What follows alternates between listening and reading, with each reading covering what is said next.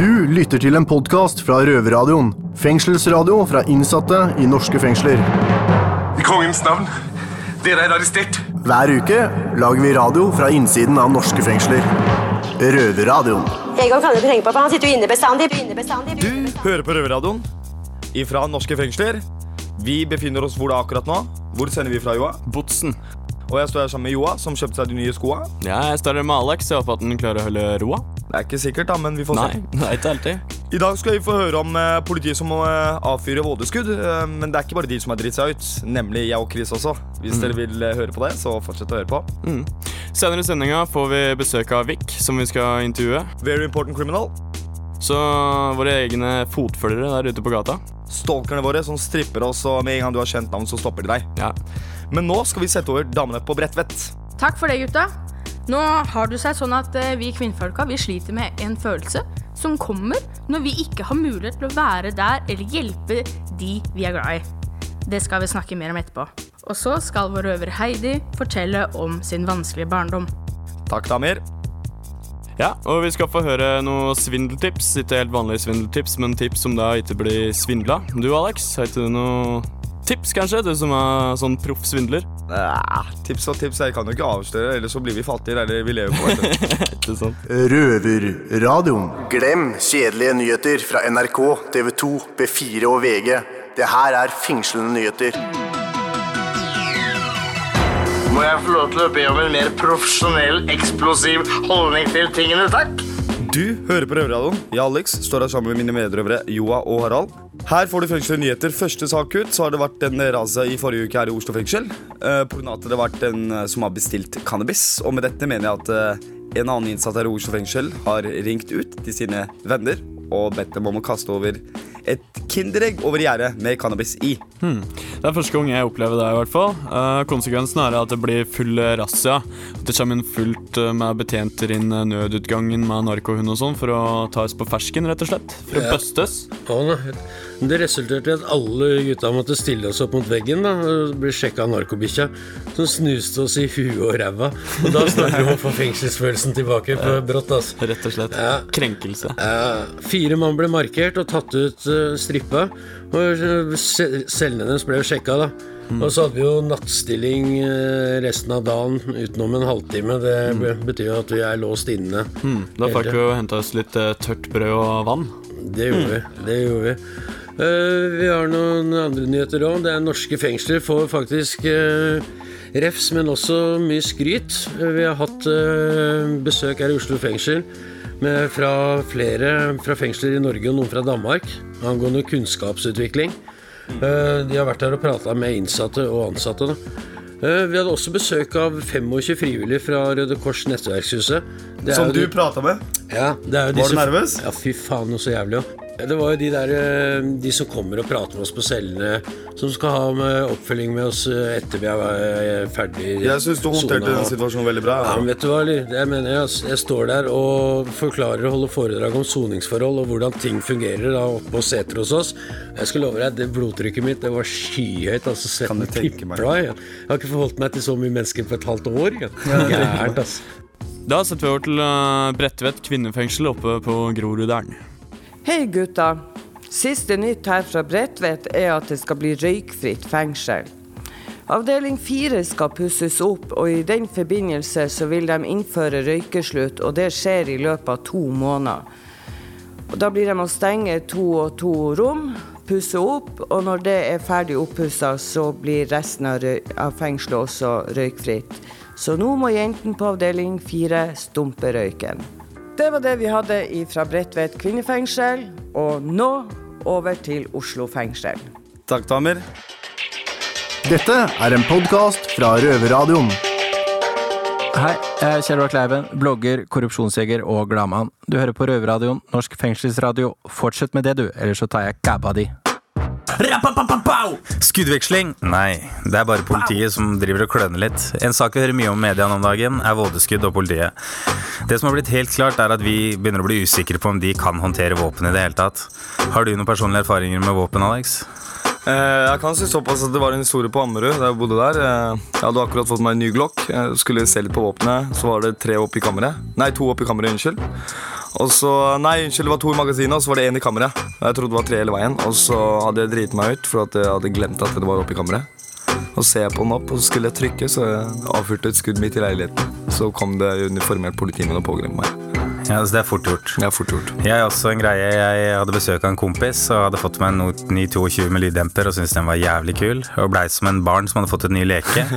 Og sitter og fikler med den og viser den fram og se her, se her, se her. Så jeg er ikke klønete. I hvert fall jeg har aldri følt meg klønete og tror ikke jeg er klønete. Og klarer i hvert fall å brenne av et skudd rett ved siden av han i sofaen. Så da, da skjønte jeg at da Man må ha respekt for våpen, og jeg tror ikke politiet har lært dette her. Det er ikke lek. Nei, det er ikke en leke. Men det jeg syns er veldig idiotisk av politiet, er at de tar så lite ansvar. Eh, Og de gjør jo faktisk det. For at de går jo rundt med en skudd i kammeret, og så tenker de ikke over det uten at det er noen aksjon. Ja, Vi er litt usikre på det, men det virker jo som at de gjør det. De Og det gjør- siste var jo at en politimann, en dame, hadde hatt pistolen sin i hylsteret, og den var ladd. Og en politimann begynte å fikle med hylsteret hennes, så brant et skudd i leggen hennes. Så det virker sånn, jeg er helt enig med deg. Så har du jo en dame som det er en liten stund siden nå, men allikevel hun skjøt seg selv i beinet. Kan du tenke deg selv. Så vi vil bare si at uh, politi, dere får bare legge fra dere våpenet til dere klarer å håndtere dem. Ja, det er ikke noe lek. Nei. en skade for deg sjøl. Vær forsiktig. Og for oss kanskje så uskyldige. Så Pass- samfunnet blir tryggere i hvert fall uten dere med Pass på ikke dere dreper dere sjøl, da. Røverpodkast. Jeg heter Marianne Vollan og er leder for kriminalomsorgen. Alle fengsler, friomsorgskontorer osv. osv. Og derfor så bestemmer jeg at du bør høre på Røverradioen. Det er Joa, du hører på Røverradioen. Vi har hatt helt eh, unikt besøk i Oslo fengsel i dag. Eh, det er første gang i historien noen kriminelle faktisk frivillig inviterer deg til en prat.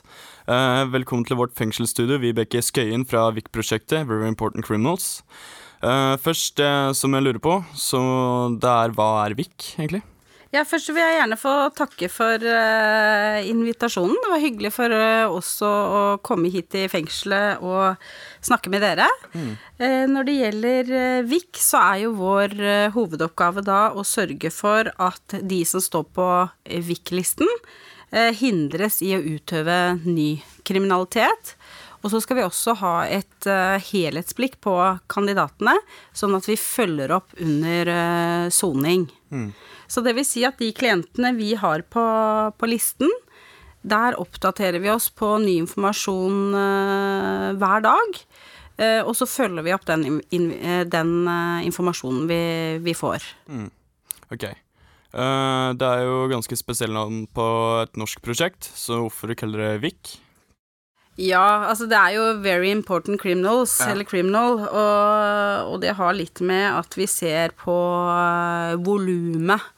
Um, altså nesten antallet kriminalitet som begås, og så plukker vi ut da eh, kandidater, eh, i hvert fall to ganger i året. Modererer kanskje listen noe, noe gjennom tidene.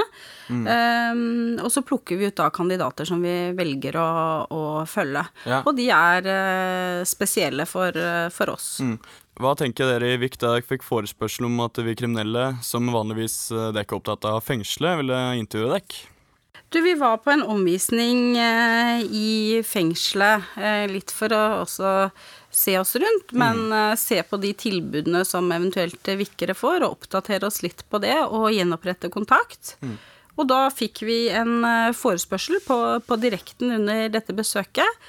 Eh, og det var eh, spontant fra oss at vi ønsket å, å stille på det. Mm. Fordi at da kan vi også benytte muligheten til å informere litt om eh, VIK. Eh, Dere har muligheten til å stille spørsmål. Mm. Og vi kan også kanskje oppklare ting som ikke er helt klart. Ja, jeg synes. Ja, Mm. Så det, det vil jeg jo si var en hyggelig forespørsel å få. Ja. Mm. Eh, hvorfor ble VIK etablert?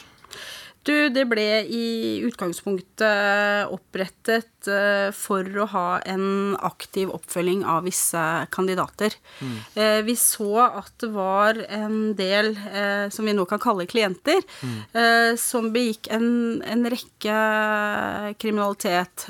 Og dette måtte jo vi fra Oslo politidistrikt gjøre noe med. Mm. Da ble det besluttet å lage et eget prosjekt, som nå er en fast gruppe. Eh, Hvor man da har personer på, på listen, og så fotfølger man, egentlig. eh, Sånn at for hver eh, overtredelse som blir begått, så vil VIK ta kontakt eh, med klienten, og så vil vi da beslutte videre oppfølging.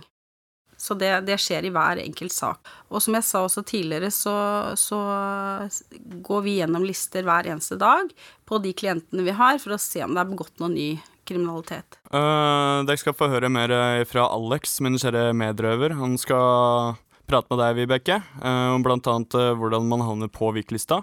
Røverpodkast. Det er Røverradioen du hører på. Jeg, Alex, står her faktisk sammen med Vibeke Skøyen fra Vik-prosjektet. Very Important Criminal. Um, jeg har en far som er på Vik-lista, og noen av min familie er på Vik-lista fra før av. Og har vært der ganske lenge. Jeg vet hva som skal til for å komme til Vik-lista, men det er ikke alle røvere her i fengsel som vet hva som skal til. Kan ikke du ta oss og fortelle litt rundt om det?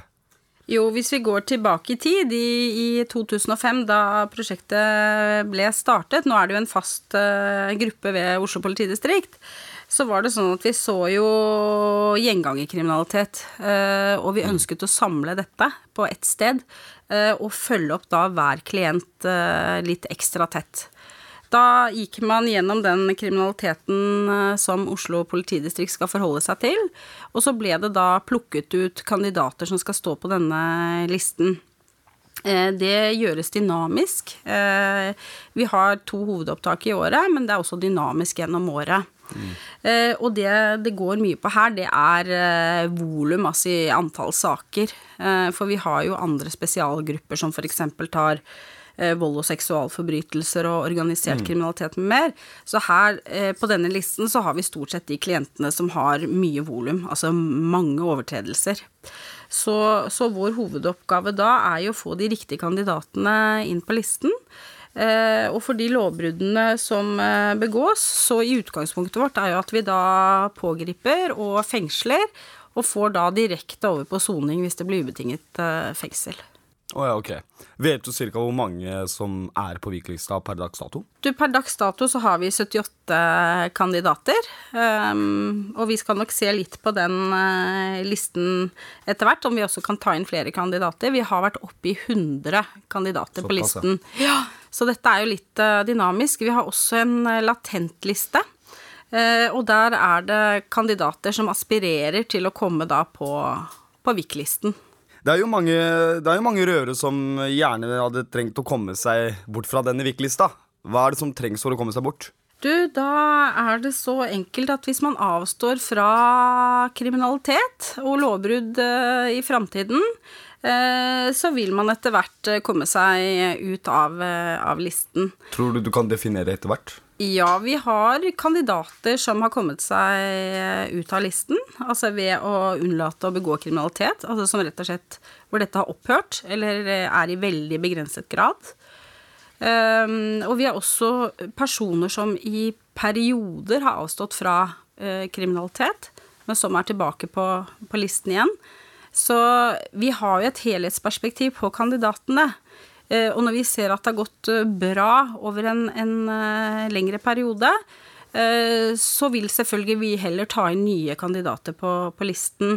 Så, så, tipset her er, er å avstå fra kriminalitet over en periode, så, så vil vi slippe inn nye kandidater på listen vår. Men du skal ikke få slippe ut helt enda. Vi skal snakke mer med deg, Vibeke, om hva slags metode dere benytter dere av. Du lytter til en podkast fra Røverradioen. Fengselsradio fra innsatte i norske fengsler. I et lite studio innenfor murene i Oslo fengsel står jeg, Daniel. Men jeg er ikke alene. Ved min side står Vibeke Skøyen fra VIK-prosjektet. Og jeg lurte litt på hvordan jobber dere i VIK for å motkjempe kriminalitet? Ja, det er jo sånn at vi på vår liste nå har 78 kandidater, eller klienter. Eh, som vi vier særskilt oppmerksomhet. Og hver dag så går vi gjennom de lovbruddene som er eh, begått i hele Norge, og sjekker opp mot de eh, klientene som vi har på vår liste. Eh, hovedsakelig så konsentrerer vi oss de lovbruddene som er begått i, i Oslo politidistrikt. Eh, og eh, når en vikker blir påtruffet og har begått et Eh, kriminelt eh, forhold, så medfører jo ofte dette en eh, pågripelse, slik at man sitter i vår arrest. Våre etterforskere og jurist vurderer da det forholdet. eh, og ser hvordan dette skal eh, behandles eh, videre. Eh, Vår intensjon er jo eh, når folk er pågrepet, at eh, vi eh, varetektsfengsler der hvor det er mulighet for det, og også får en eh, så rask reaksjon som vi kan få, slik at eh, man går direkte fra varetekt og over i i soning. Så vi har eh, dedikerte etterforskere som kun jobber med disse VIK-klientene. Og vi har også jurister som jobber med VIK-klientene. Så vi har jo da en ganske god oversikt over disse og det de foretar seg. I fengselet så skal vi jo også ha et helhetsblikk på kandidaten, sånn at vi følger opp eh, under soning. Vi prøver å ha kontakt, også når det da eh, beveger seg mot eh, en løslatelse fra fengselet, så tar vi kontakt og snakker med klienten, og vi møter også i de ansvarsgruppemøtene som vi får tillatelse til å stille i. For sånn når du prater om det så virker det som det på en måte er et tiltak overfor gjengangere.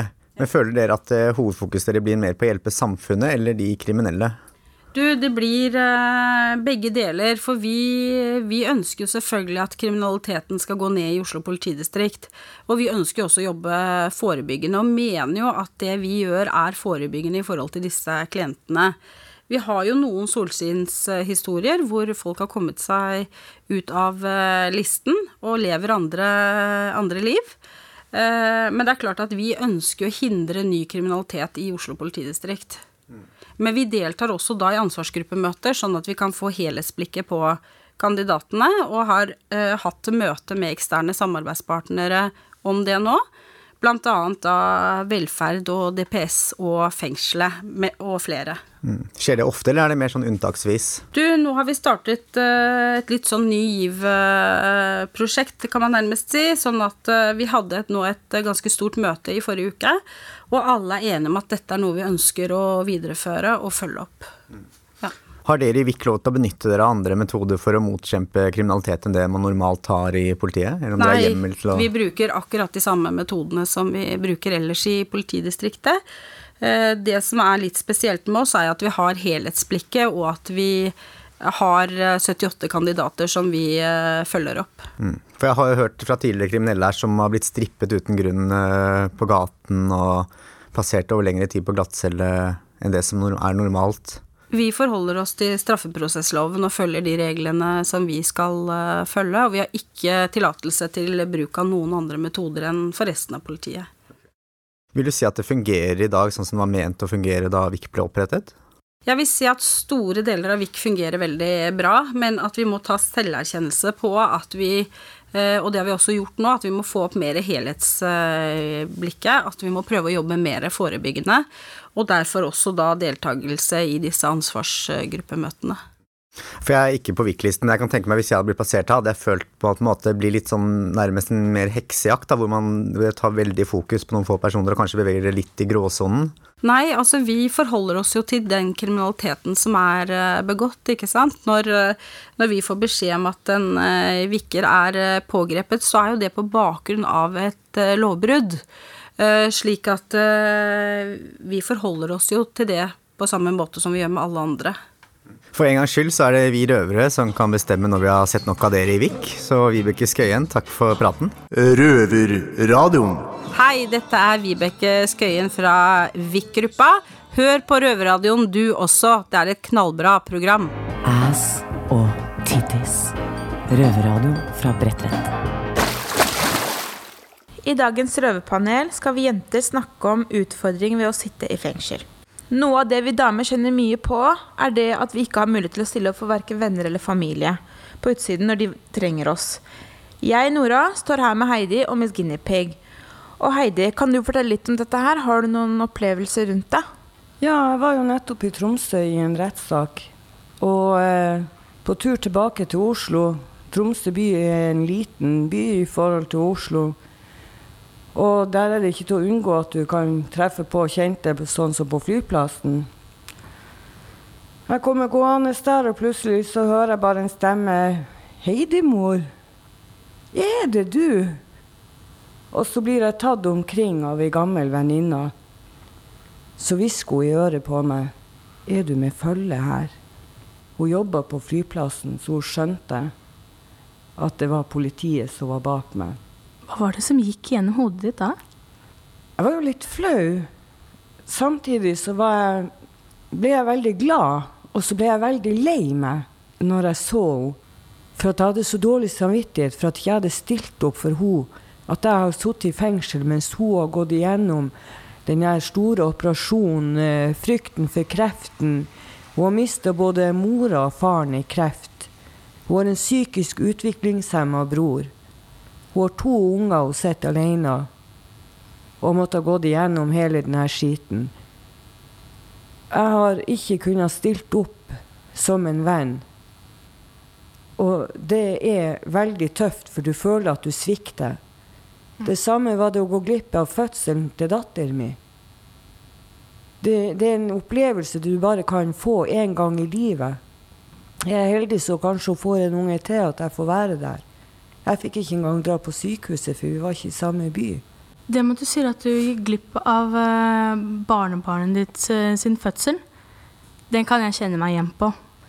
Jeg blei tante her inne for uh, tre, nei, fire år siden. Og det når jeg husker jeg var på avdeling tre og gikk der og Jeg følte at det på en måte skulle skje et eller annet, da. Men den derre sorgen du sitter igjen med Faen, altså, jeg fikk ikke vært der, jeg fikk ikke stilt opp. Og det er jo akkurat det samme. sant? Du ble sikkert bestemor for første gang, jeg ble tante for første gang. Kunne ikke være der. Og du føler at du svikter familien din fordi at du følte at du måtte rømme deg bort fra hverdagen da, med å komme i fengsel igjen. da. Så det blir sånn dobbeltmoral på alt sammen, for du blir så lei deg. Og samtidig skulle du ønske så fælt at du var der, men så kan du ikke fordi at det er noen andre som har makta over deg, fordi at du må være her fordi du har gjort en dårlig ting. Du blir veldig, veldig, frustrert, du blir veldig forstyrra og forvirra. For det er så mange følelser i balanse samtidig. Du føler jo egentlig bare at du mister deg selv i alt dette her. For det er så mye kjærlighet, det er mye sorg, det er, mye, det er så mye som skjer. Du klarer på en måte ikke å å hente deg inn igjen da, på, i hverdagen. Ha et ståsted. Alt er bare helt fullstendig kaos. Og eh, man skal prøve å være seg sjøl i nuet. I et øyeblikk hvor du egentlig har mest lyst til å flykte fra det øyeblikket. Ikke gå og bære inne på det alene. Jeg tror det er veldig viktig å kunne finne seg én eller to man kan stole på og dele tanker og følelser med. Man kan ikke gå rundt og dele det med alle her inne. Og det er vanskelig òg å finne noen man kan stole på. Men av og til så er man nødt til å, å, prøve å lytte til instinktene sine og, og, prøve å åpne seg for noen. For hvis ikke så blir man veldig lukka, man blir hår, man blir kynisk. Og det er ikke bra. Det var det vi hadde i dagens røverpanel. Vi sender masse hjerter til våre venner og familier fra alle jentene her inne på Bredtvet fengsel. Husk at vi tenker masse på dere. Dere er våre tanker sånn 24-20 nesten. Røverpodkast. Du hører på Røverradioen her fra Bredtvet kvinnefengsel. Og nå skal vi gi lufta til vår røver Heidi, som har skrevet noen ord til seg selv om barndommen sin. Røverradioen fra Bredtvet. Heidi, som tenåring så hadde du det vanskelig med ei mor som drakk og slo. Ofte så kom du hjem og slapp ikke inn. Så du så ikke noen annen utvei enn å gå til barnevernet. 13 år gammel. Ordna du sjøl med fosterfamilie. Du måtte tidlig i livet ta ansvaret for deg sjøl. Etter hvert også ansvaret for søstera di. 19 år med et nyfødt barn. Så ville lillesøstera di på 12 år bo hos deg. Så du måtte på nytt igjen kontakte barnevernet. Sjøl om de visste hvor eh, vanskelig dere hadde det hjemme, så fikk ikke hun bo hos deg. For du hadde bare ei toromsleilighet. Men du ga ikke opp, sjøl om du ble møtt med mye bitterhet fra mor di. Du ble fienden når du tok ansvar. Du sto på, men barnevernet stilte ikke opp. De sa bare at uoffisielt så godtar vi deg. Offisielt så godtar vi deg ikke. Du er for ung. Du er bare ei ungjente som trengte omsorg og støtte. Men du møtte bare motstand fra alle kanter. Men istedenfor å gi opp, så visste du alle at du var en fighter. engasjerte advokat som hjalp deg til å få beholde omsorgen for søster din. De ungdomstid gikk til å ta ansvar for deg sjøl og søstera di. Du ga omsorg og støtte til dem som trengte det. Du gir mye av deg sjøl. Også når du sjøl trenger støtte og hjelp, så er du alltid klar for å hjelpe dem som du ser har det vanskelig. En fighter spirit. Vær stolt av det. Røverpodkast. Jeg hører på Røverradioen. Det bør du også gjøre. Hvis ikke klikker det for meg. Du hører på Røverradioen. Er det en ting vi røvere kan, så er det svindling. Vi har jo måttet klare oss med å skaffe oss penger på mange forskjellige måter. Med både svindling og mye andre forskjellige ting. For å klare oss livets opphold. Så vi er ikke vant med å ha åtte til fire jobber her. Så dette er jo en litt annen alternativ jobb. Så vi har med oss i dag en ekspert på svindling. Daniel. Vi har lagd vår egen eh, svindelskole her eh, på Bruket. Og det handler litt om eh, det er å svindle eksakt, men det er å unngå å bli svindla. Vi skal gi noe tilbake til samfunnet, kanskje? Ja, egentlig. Så nå er jeg spent på å få høre, Daniel. Kan du gi et eksempel på en svindel som gikk noenlunde greit? Ja, det kan jeg. Det var en gang jeg hadde lyst på ny sykkel. eh, Eller nye sykler, egentlig. Og da ringte jeg til en sportsbutikk sentralt i Oslo og utga meg for å være fra hovedkontoret. Og sa at eh, de måtte levere de og de type syklene til eh, et hotell i sentrum. Fordi TV Norge skal starte en ny sesong med 71 grader nord, og de ville da sjekke hvor på rammen de kunne plassere reklame. Smart. Så da fikk jeg en av de butikkmedarbeiderne til å ta med seg fem sykler og levere de i resepsjonen på dette hotellet. Og da var det bare for meg å komme og plukke det opp. Ja, lettvint da. Så, ja. Og da kommer vi også inn til eh, det første tipset vi kan gi på denne svindelskolen. Og Mm. det er å verifisere at den du prater med, er faktisk den han utgir seg for å være. Mm, sjekker opp. Fordi det er veldig mange ganger når jeg har ringt rundt eh, til bedrifter, så sier jeg at jeg er fra hovedkontoret det og det. Men de sjekker som regel ikke opp at jeg er derifra. Mm. Så én ting kan være det å be om å få ringe han opp igjen. Be om å få se nummeret. Hvis jeg ringer fra skjult nummer, så er det greit å ringe opp igjen, fordi de fleste som vil lure folk, ringer fra skjult nummer. Da er det jo greit å stikke innom internett og bare google opp Ja, bare nummeret. google nummeret, Ja. og så kanskje stille noen kontrollspørsmål hvis jeg faktisk ringer fra hovedkontoret. Kanskje kjenner du noen som jobber der. Spør om kjenner du f.eks. Tommy. Mm. Og hvis, jeg ikke, og hvis jeg sier ja, så kan du jo spille litt videre på det. Eller du kan spørre om jeg kjenner en fiktiv person som Mm. ikke jobber der. Og hvis jeg sier at ja, jeg kjenner han, så er jo det et tegn på at det her er bare tull. Så bare bruk litt sunn fornuft, egentlig. Mm. Og det er viktig å bare sjekke, fordi det er ikke alt det man sier som bør tas for god fisk. Nei, ikke sant? Og neste uke så skal vi jo prate litt mer om hvordan de hvordan vanlige mennesker kan beskytte seg. Ja, Åssen en eh, privatperson kan unngå å bli svindla. Hva er det du leser om, da? Nei, Det er en fyr her som har svindla norske banker for 1,3 millioner. Det er meg, da. Røverradioen. Yo, dette er Joa. Vi nærmer oss slutten av sendinga i dag, så er det tilbake til Selja Sone-gutta. Bare fortsett å sende inn jailmail. Du kan eh, finne en oss røvere her inne i fengselet og bare sende meg en sånn lapp opp hit. Eller så kan du finne en eh, grønne, vakre postkassa som er på biblioteket, og putte en lapp oppi den. Og til de av dere lovlydige borgere på utsiden, så kan dere gå inn på Facebook-sidene våre på Røverhuset og sende oss en PM der. Skriv gjerne hva dere syns om oss, og om dere har lyst til at vi skal gjøre noe rart, eller om dere lurer på noe. Mm. Vi har hatt intervju med Vic i dag, Very Important Criminal. Som uh, hva er det hun driver med? Det er sånn Oppfølging. overfor gjengangere. Sånn fotfølging-greier. Vi svarte ikke på noen spørsmål. jeg. Det var tøft at de kom, da. Det hadde jeg ikke trodd. Eh, gutta, jeg møtte uh, vår største fiende i gangen i stad. Hvem da? Han Astrid A- Amundsen, mener jeg. Ikke han. Eh, tro det eller ei, men det er faktisk verre. Narkobikkja er på huset i dag. På hele fengselet. Den er litt søt, da. Ja, Den er litt søt, da. Den er litt søt. Men uh, den kjører deg til slutt. Jeg er ikke redd for noen ting. Ikke jeg heller. men uh, vi er jo tilbake neste uke, gutta. Hva skjer da? Neste uke så får vi besøk av Hallgeir fra Luksusfellen. Ikke Helgeir? Nei. Oh, ja, ok. Det er han uh, høye, vet du. Uh, han, ja. Han der litt strenge. Ja, Men han er rettferdig, da.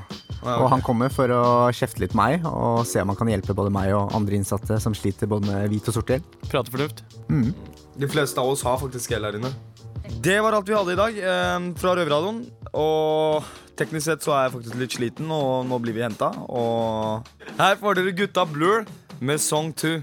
Men sånn som vi gypsy sier, la Blur 2. Men en ting også, gutta. Ha det godt. Hei da.